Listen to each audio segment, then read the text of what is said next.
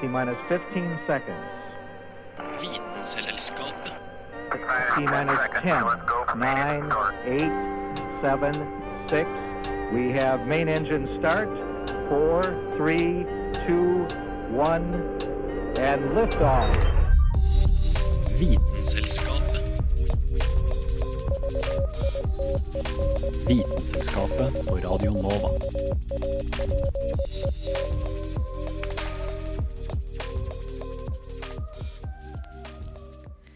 De fascinerer veldig mange, og man er utrolig opphengt i dem. Vi snakker selvfølgelig om pupper, som det er veldig mange i verden som har. Og sånn sett så er det jo kanskje litt rart at de er så innmari fascinerende. Eh, men vi skal dykke litt mer ned i hvorfor folk syns at de er så fascinerende. Og eh, i tillegg til det så kommer vi til å snakke om noen negative ting med pupper. F.eks. brystkreft. Og så skal vi også innom et lite pattedyr som gir melk uten pupper. Det er nemlig Tits Out Tuesday i Vitenskapet. og her i studio så har vi eh, Vi har eh, fire pupper. Og så har vi tre stemmer, og de tilhører da meg, Kristin Grydland, og Med Carl Kvam. Og- Hanne Grydland. Da ruller vi i gang. Du hører på Vitenselskapet. Du lytter til Radio Nova. Pupper er jo noe som veldig mange er liksom litt opphengt i, og da kanskje særlig eh, de som er interessert i kvinner, eller folk som har pupper. Eh, men hva er egentlig grunnen til at eh, de, man syns at de er så fascinerende? Det har vi prøvd å finne litt ut av. Eh, og eh, de teoriene som jeg har eh, funnet, de er litt sånn Det virker som man gjetter lite grann, syns jeg, da. Eh, jeg vet ikke med dere, men eh, nå er det sånn at eh, man tror jo at Eller det som ofte blir sagt, er 'hvorfor har vi pupper?' Ja, det er jo for å amme. Men det viser seg at det er jo ikke nødvendigvis riktig. Fordi at det går an å amme så lenge du har melkekjertler. Og det vil ikke nødvendigvis innebære at du har så innmari store pupper. Og i hvert fall ikke mens du Altså hvis du ikke går, går gravid. For det er jo faktisk ikke vanlig for andre dyr enn mennesker å ha eh, relativt store pupper hele tida. De får det kanskje mens de går gravid, og etterpå når de skal amme barna sine. Så det som eh, noen forskere, eh, og her tenker jeg på en, eh, særlig en dansk evolusjonsbiolog som eh, jeg leste om, mener at eh, pupper er en slags reklame For mennesket som bærer dem. For mennesket som bærer dem. Og da er det særlig tre ting som eh, en pupp, eller to pupper, da, eh, reklamerer for. Eh, det er kjønnsmodenhet. Mm. For det er jo sånn at i mange dyr så kan den andre parten lukte når man er kjønnsmoden. Det er ikke så lett med mennesker. Vi har ikke noen sånne tydelige signaler som viser at å, nå er vi kjønnsmodne. Fordi vi, vi blir jo ikke kjønnsmodne i vi er, vi er ikke parbare, da, om vi skal si det sånn, i bare korte perioder. Vi kan pares hele året rundt. Og det gjør vi. Eh, så siden det ikke kan luktes, så må vi ha noen synlige signaler på at man er kjønnsmoden. Eh, og da er jo en av teoriene at pupper gjør nettopp det. Og en annen ting som det er reklame for, er at vi har nok ressurser. Hvis man har litt eh, store pupper, så kan jo det bety at man ikke er underernært, men at man eh, har nok fett til at det liksom legger seg eh, visse steder. Eh, Det er jo en av teoriene. I tillegg så er det da at det kan tyde på gode gener hvis du har sånn symmetriske pupper. Og alle disse tre grunnene så vil jeg faktisk si at den kjønnsmodenhet virker mest sannsynlig. For eh, de fleste som har pupper, vet jo at de, er nesten aldri helt symmetriske. Og i tillegg så er det jo ikke sånn at store pupper er akkurat det samme som at man er fruktbar. Så sånn sett så er jo det litt misvisende reklame, kanskje. Men akkurat dette med kjønnsmodenhet kan jo på en måte være litt eh, riktig, da. Ja, altså hvis eh, damer uten pupper da ikke ble valgt som partner, eh, så ville jo det genet i hvert fall ha dødd ut. Ja, i teorien. Eh, og det er her evolusjonsbiologen eh, kommer inn, da, eh, og snakker om bryster som en slags nøkkelstimuli. Eh, nøkkelstimuli er jo, som alle vet, eh, noe som man er programmert til å reagere på. Eh, For eksempel hvis du er en liten baby, så reagerer du på lysere stemmer framfor mørkere stemmer. Det er en nøkkelstimuli. Og mange dyr har det for at man skal eh, At man er programmert til å gjøre visse ting, da. Eh, for fire millioner år siden cirka, så begynte mennesker å gå på to bein. Og før det så eh, var det vanlig at man para seg bakfra. Men når man begynte føler det ble litt sånn historieleksjon her. Ja, kom igjen. Men eh, så, så gikk vi på en måte over til å pare oss forfra også. Og da er jo da teorien at eh, vi måtte ha noe nøkkelstimuli, og når man para seg bakfra, så var nøkkelstimulien rumpe. Ja, dere skjønner hvor, hvor jeg går. og det her jeg tenker at det høres litt merkelig ut, men da er jo teorien at pupper på en måte etterligner rumpe. Så pupper er en slags eh, frontrumpe, da. Frontalrumpe. Frontalrumpe. Ja. Eh, så jeg vet ikke helt hva dere syns. Er det en mann som kom på den ideen? det er tilfeldigvis. Iallfall han som uttalte seg om det, er en mann. Det er i hvert fall ikke så veldig flatterende. Eh, men eh, om vi finner ut hva som er grunnen, eller ikke, så er det iallfall eh, ganske interessant å snakke om pupper. Og det kommer vi til å gjøre mye av i denne lille halvtimen. Oh, it's fun. I mean, the natural world is just fun. Du hører på Vitenselskapet på Radio Nova. What more do you want? Det kan jo som kjent komme sykdom i pupper, og alle har jo hørt om kreft. Og kreft er noe som du også kan få i puppene.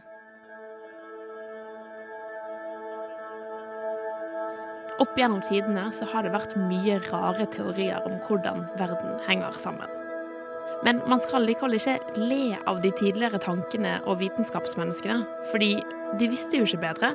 De hadde jo ikke like mye kunnskap som vi har i dag. Uansett så syns jeg det er litt gøy å gå tilbake og se hva man faktisk trodde om ulike ting. Innenfor brystkreft så har det også vært mange ulike teorier om hvorfor man plutselig skulle få en kul i brystet. Vi har den greske legen Galen på 200-tallet, som mente at brystkreft var forårsaket av for mye svart galle.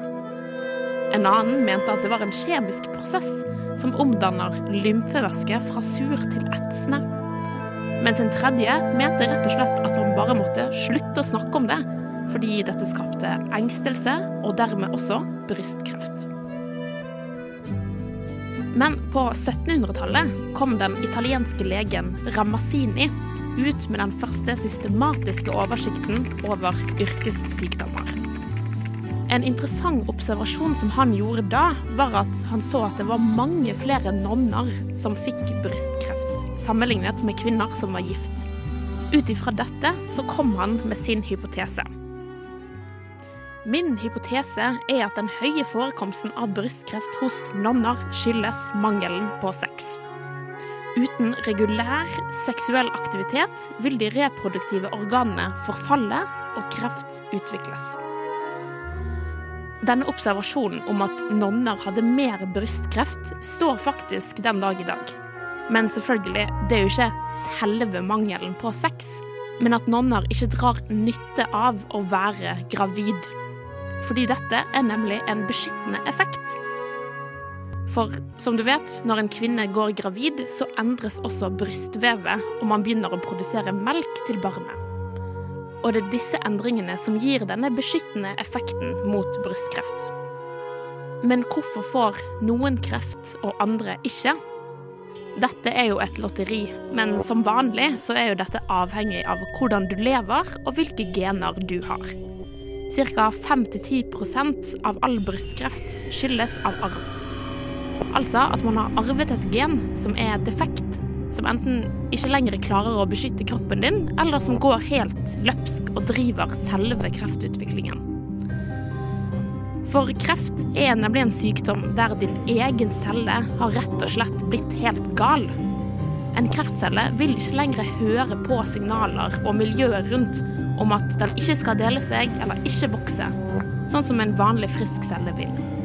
Og for at en av dine celler skal bli en kreftcelle, så må du først få en skade, altså en mutasjon på DNA-et ditt som er inni cellen. Og denne skaden kan komme fra solen, fra alkohol, røyk, fedme, arv og alderdom. Etter hvert som disse kreftcellene fortsetter å dele seg helt ukontrollert, så skjer det en opphopning av disse kreftcellene i organet der veksten startet. Det vil etter hvert danne seg en kreftsvulst. Det skal sies at det kan ta opptil 20 år fra første gang det skjer en feil med en celle, til en svulst er stor nok til å bli oppdaget. Og i de fleste tilfeller der en skade skjer på en celle, så blir denne cellen enten reparert eller drept av kroppens egne beskyttende systemer. Før den i det hele tatt er en skade for oss.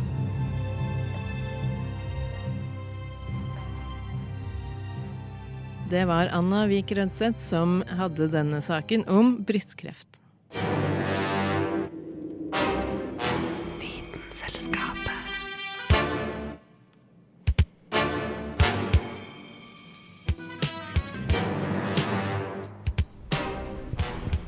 Dette er jo Vitenselskapets Tits Out Tuesday, men eh, vi har jo et annet uttrykk også, man boobs. Og det skal du snakke litt mer om, Hanne. Ja, for det er jo ikke bare kvinner som har pupper. Eh, Det, pupper kan også ramme menn, eller jeg skal, eh, hvordan jeg skal si det. Frontalrumpe, mener du? Frontalrumpe kan også ramme menn. Um, ja, mannepupper. Eh, mange menn har jo litt store pupper. Hva tror dere er grunnen til det? Det er en sammenheng med hvor mye fett den har på kroppen generelt, i hvert fall. Det har jeg bitt meg merke i. Det er jo samme med kvinner, det òg. Melkekjertlene tar jo ikke så stor plass. Det er bindevev og fettvev som faktisk gjør dem større og mindre, da. Ja, eh, det stemmer det. Pupper er jo på en måte både kjertelkomponent, og så er det en fettkomponent. Eh, Så hvis dere ser en mann med pupper, eh, så kan det skyldes at det bare er fettdeponering. At eh, vedkommende rett og slett er overvektig.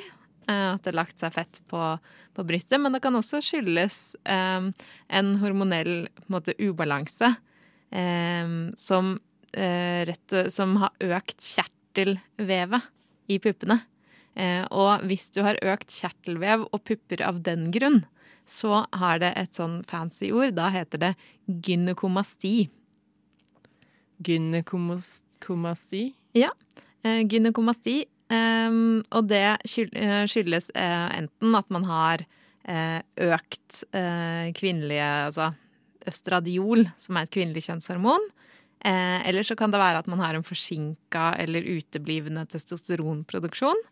Eh, eller så kan det skyldes at man har en en økt følsomhet for normale mengder østrogen. Uh, men poenget er at uh, dette eh, rammer faktisk ganske mange.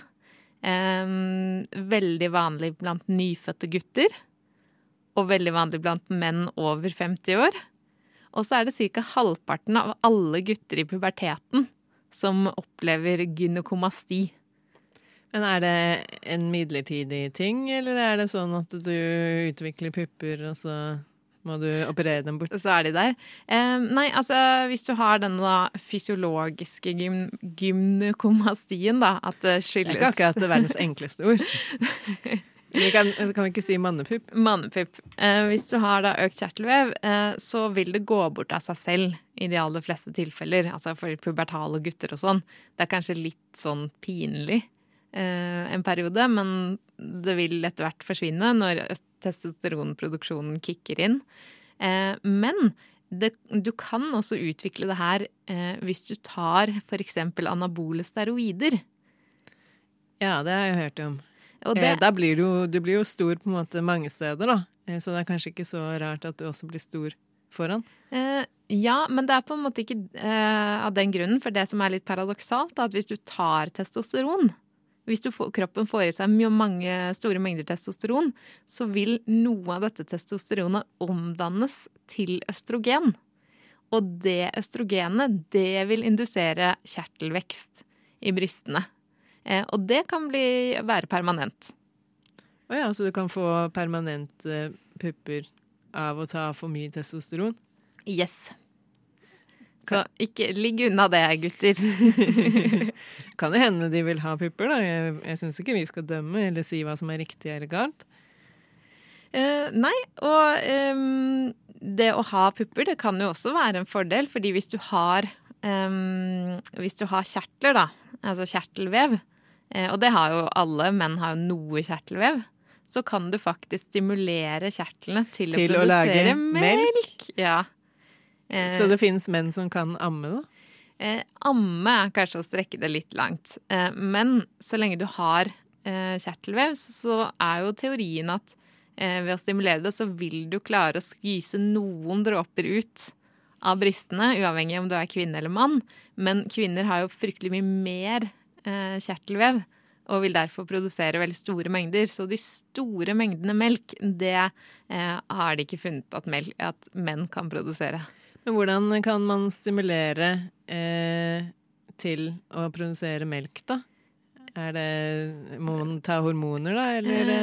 Eh, Ja, man kan ta hormoner, eller du kan jo la babyen gjøre jobben. Sånn som i Aka-folket i eh, Afrika, eller i Den sentralafrikanske republikk og republikken Kongo. Så er det en sånn pygmé-stamme eh, som faktisk Der det er ganske vanlig at babyen sutter på brystvortene til far. Eh, og der er det vanlig at far at han får noen dråper melk ut. En alternativ smokk, rett og slett. En alternativ smokk. Det syns jeg høres veldig likestilt og fint ut. Eh, det, er jo, det er jo slik at eh, da damer, eller de som ammer, har jo den første delen av fødselspermisjonen. Men kanskje hvis man hadde stimulert litt mer, så kunne vi splitta fødselspermisjonen litt mer på midten. Eh, jeg tror kanskje at vi ikke skal gå helt inn i den debatten der, fordi den er jo ganske steil. Eh, men eh, det er jo i hvert fall interessant da, å vite at det er vitenskapelig mulig å kanskje ikke amme, men i hvert fall gi litt grann melk, da. Selv om du ikke har den naturlige melkekjertelproduksjonen.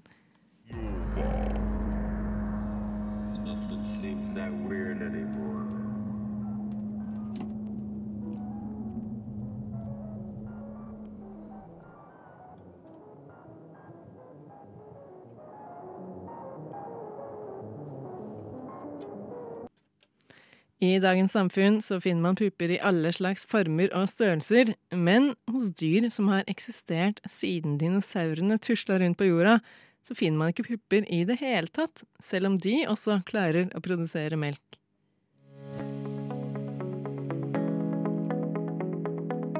Dypt inne i den tasmanske jungelen lever det et dyr som er helt unikt fra alle andre dyr. Det tilhører orden kloakkdyr, men er verken en rotte, krokodille eller en mutantskilpadde. Det eggleggende pattedyret vi har tatt for oss, er nemlig nebbdyret.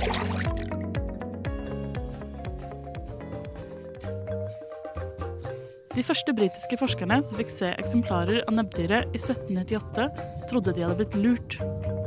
Det kunne nemlig se ut som om noen hadde satt sammen nebbet til en and med halen til en bever, og av en eller annen grunn lagt til en giftig klo på svømmeføttene til hannene. Men disse dyrene var, og er, helt ekte. Kanskje det aller rareste ved dem er at de til og med klassifiseres som pattedyr.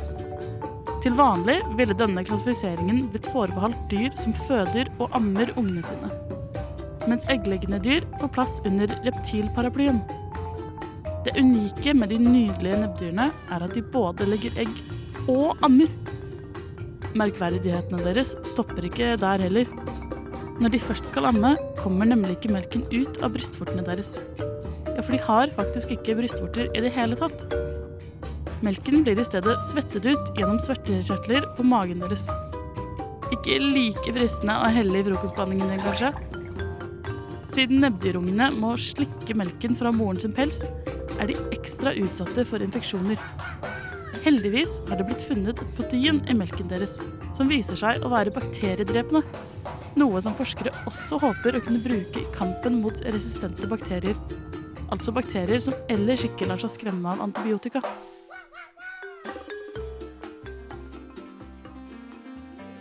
Som om de ikke allerede var rare nok fra før av, har nebbdyrene også utviklet en veldig spesiell måte å jakte på byttene sine på.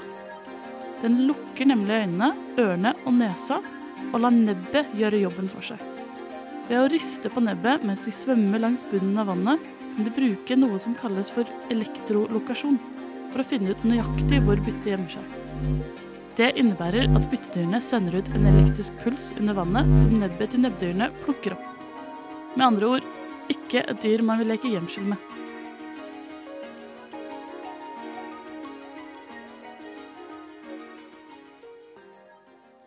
Selv om man vet hvor nebbdyrene lever, og man har funnet ut at de til og med legger igjen DNA-spor i vannet de lever i, har man fortsatt ikke peiling på hvor mange nebbdyr som finnes i verden.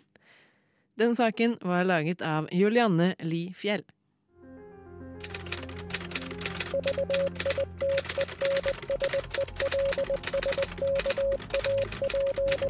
Just want to tell you both good luck. We're all counting on you. И пусть посмеются над своими страстями. Ведь то, что они называют страстью, на самом деле не душевное. Vitenselskapet а лишь трение между душой и внешним миром. knekker vitenskapens koder. Good job. Nebbdyret har kanskje ikke eh, pupper, men det er det jo andre dyr som har, og relativt store også, eller hva, Karl? Ja, det, du sier pupper, da. Eh, Jeg sier jur, siden jeg vet eh, forskjellen på folk og dyr. Jur og spener. eh, Det er jo for så vidt veldig sammenlignbart med pupp og brystvorte. Det er da mjølkekjertler så pattedyr som er i utposninger. Og det er veldig mye teknisk rundt dette med jur. Eh, For en eh, ekte gårdbruker så er det jo viktig å ha et godt jur på kua. Og da handler det om eh, hvordan juret er festa. Framjurfeste er det noe som heter. Jurdypten. Og midtbåndet. Skjønner ikke hva noe av det her betyr. Nei, det Jeg vet ikke hva som er dialekt og tekniske ord. Trenger kanskje ikke gå så inn på det, men det er bare hvordan, hvordan den sekken henger, da. Det går på. Og Så det, den skal være godt festa i kroppen. Eh, ja, og eller- den skal ikke sitte for langt fram eller for langt bak. Og den kan òg være sårbar for å ja, ramle ned, da. Eh, og det, det i tillegg til alt festemessig, så vil du òg ha riktig posisjon på spenene. Det er særlig viktig i forhold til mjølkeroboter, da. Hvis du har automatisert eh, mjølking til ky, sånn at det helst skal være ganske likt på alle kyn, så er det veldig viktig hva retning, altså spenene er da brystvortene til kua, hva retning de peker. Eh, Det er mye, mye kan si om, eh, om jur. Jeg må si jeg visste eh, sjokkerende lite om jur, eller jeg trodde jeg visste på en måte nok. Eh, men jeg, jeg, jeg var ikke klar over at de kunne være så forskjellig som det høres ut som de kan være. At de kan være plassert på forskjellige måter, og at i tillegg så kan spene liksom sprike i feil retning. Ja, men det blir jo som eh, med folk. Det, en har jo kanskje ikke sett altfor mange pupper, men de er jo fryktelig forskjellige, som tidligere nevnt her. Og eh, ja, oss blir jo ikke utsatt for mjølkeroboter, oss mennesker, heldigvis. Så da er det ikke så viktig. Det blir jo, kan jo bli det hvis du skal amme en eh, barn, da, men da styrer du det jo gjerne selv. Kanskje ikke en robot. Nei, ikke helt. Og det, det kan være skikkelig farlig hvis det går galt med jura. Eh, For det er noe som heter for jurslepp. Og hvis det er akutt, så får du livstruende indre blødninger. Jurslepp eh, høres jo ut som selve juret faller ned. Ja, Eh, da ryker det i festet på juret en eller annen plass. Og da må man ringe veterinæren, for det, det er farlige greier. Det kan skje både ved kalving eller ved naturlig vekst eh, i eh, ja, jurene. Og så er det jur og pupp. Så jeg lurer på om dere vet hva som har jur i det hele tatt, siden dere kaller det pupper. Eh. Så da har jeg en liten quiz Okay? hva slags dyr som har jur, og hva som ikke har det. Ja, jeg har da ei liste med dyr, og så okay. skal jeg spørre Har det jur?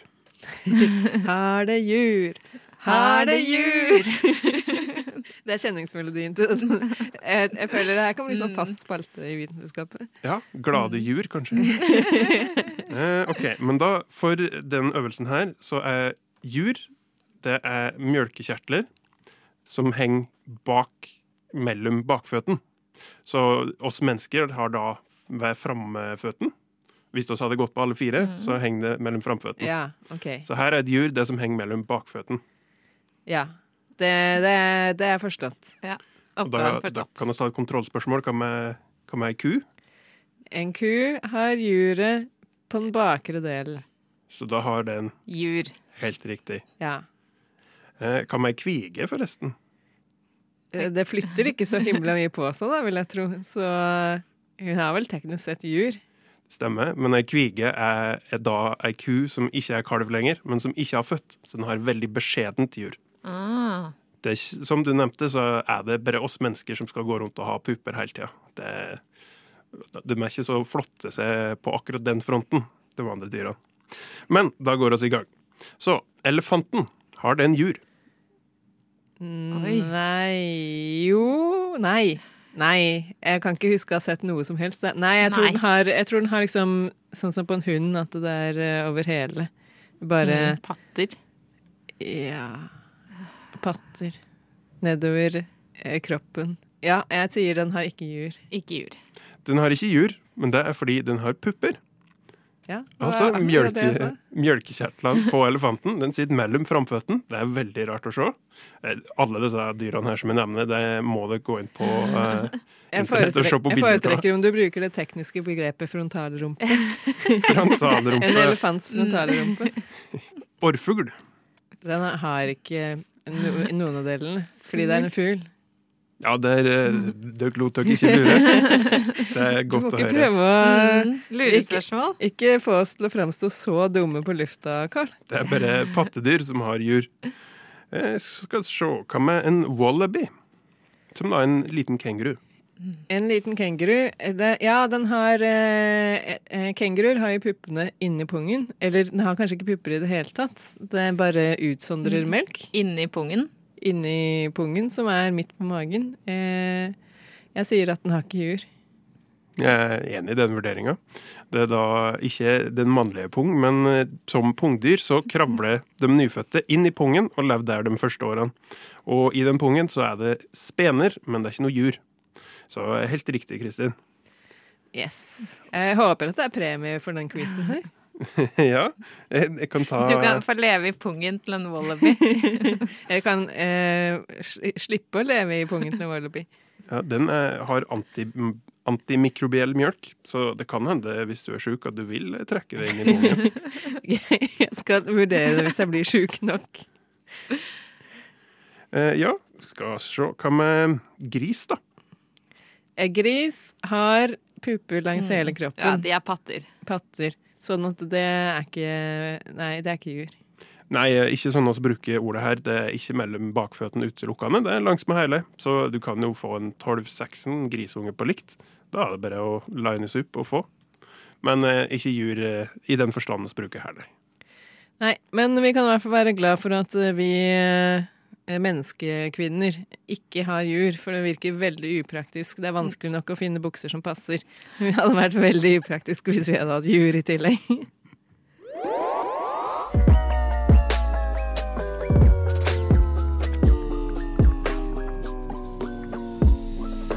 Vitenselskapet.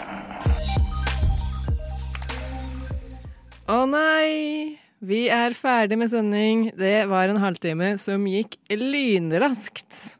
Eh, I dag så har vi snakka om pupper i alle mulige former og fasonger, og på dyr og mennesker, og med sykdom og ikke. Eh, vi håper at dere da tar, eh, dere der hjemme altså, og for så vidt her i studio, tar oppfordringen til Tits Out Tuesday og, og viser litt pupper. Eh, for det er noe vi kan være stolte av også de som ikke har så mye av dem. Eh, med meg i studio så har jeg hatt Hanne Grydland og Karl Adams Kvam. Mitt navn er Kristin Grydland, og vi høres i neste episode av Vitenselskapet.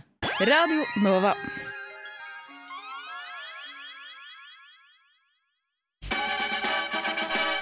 What? Radio Nova.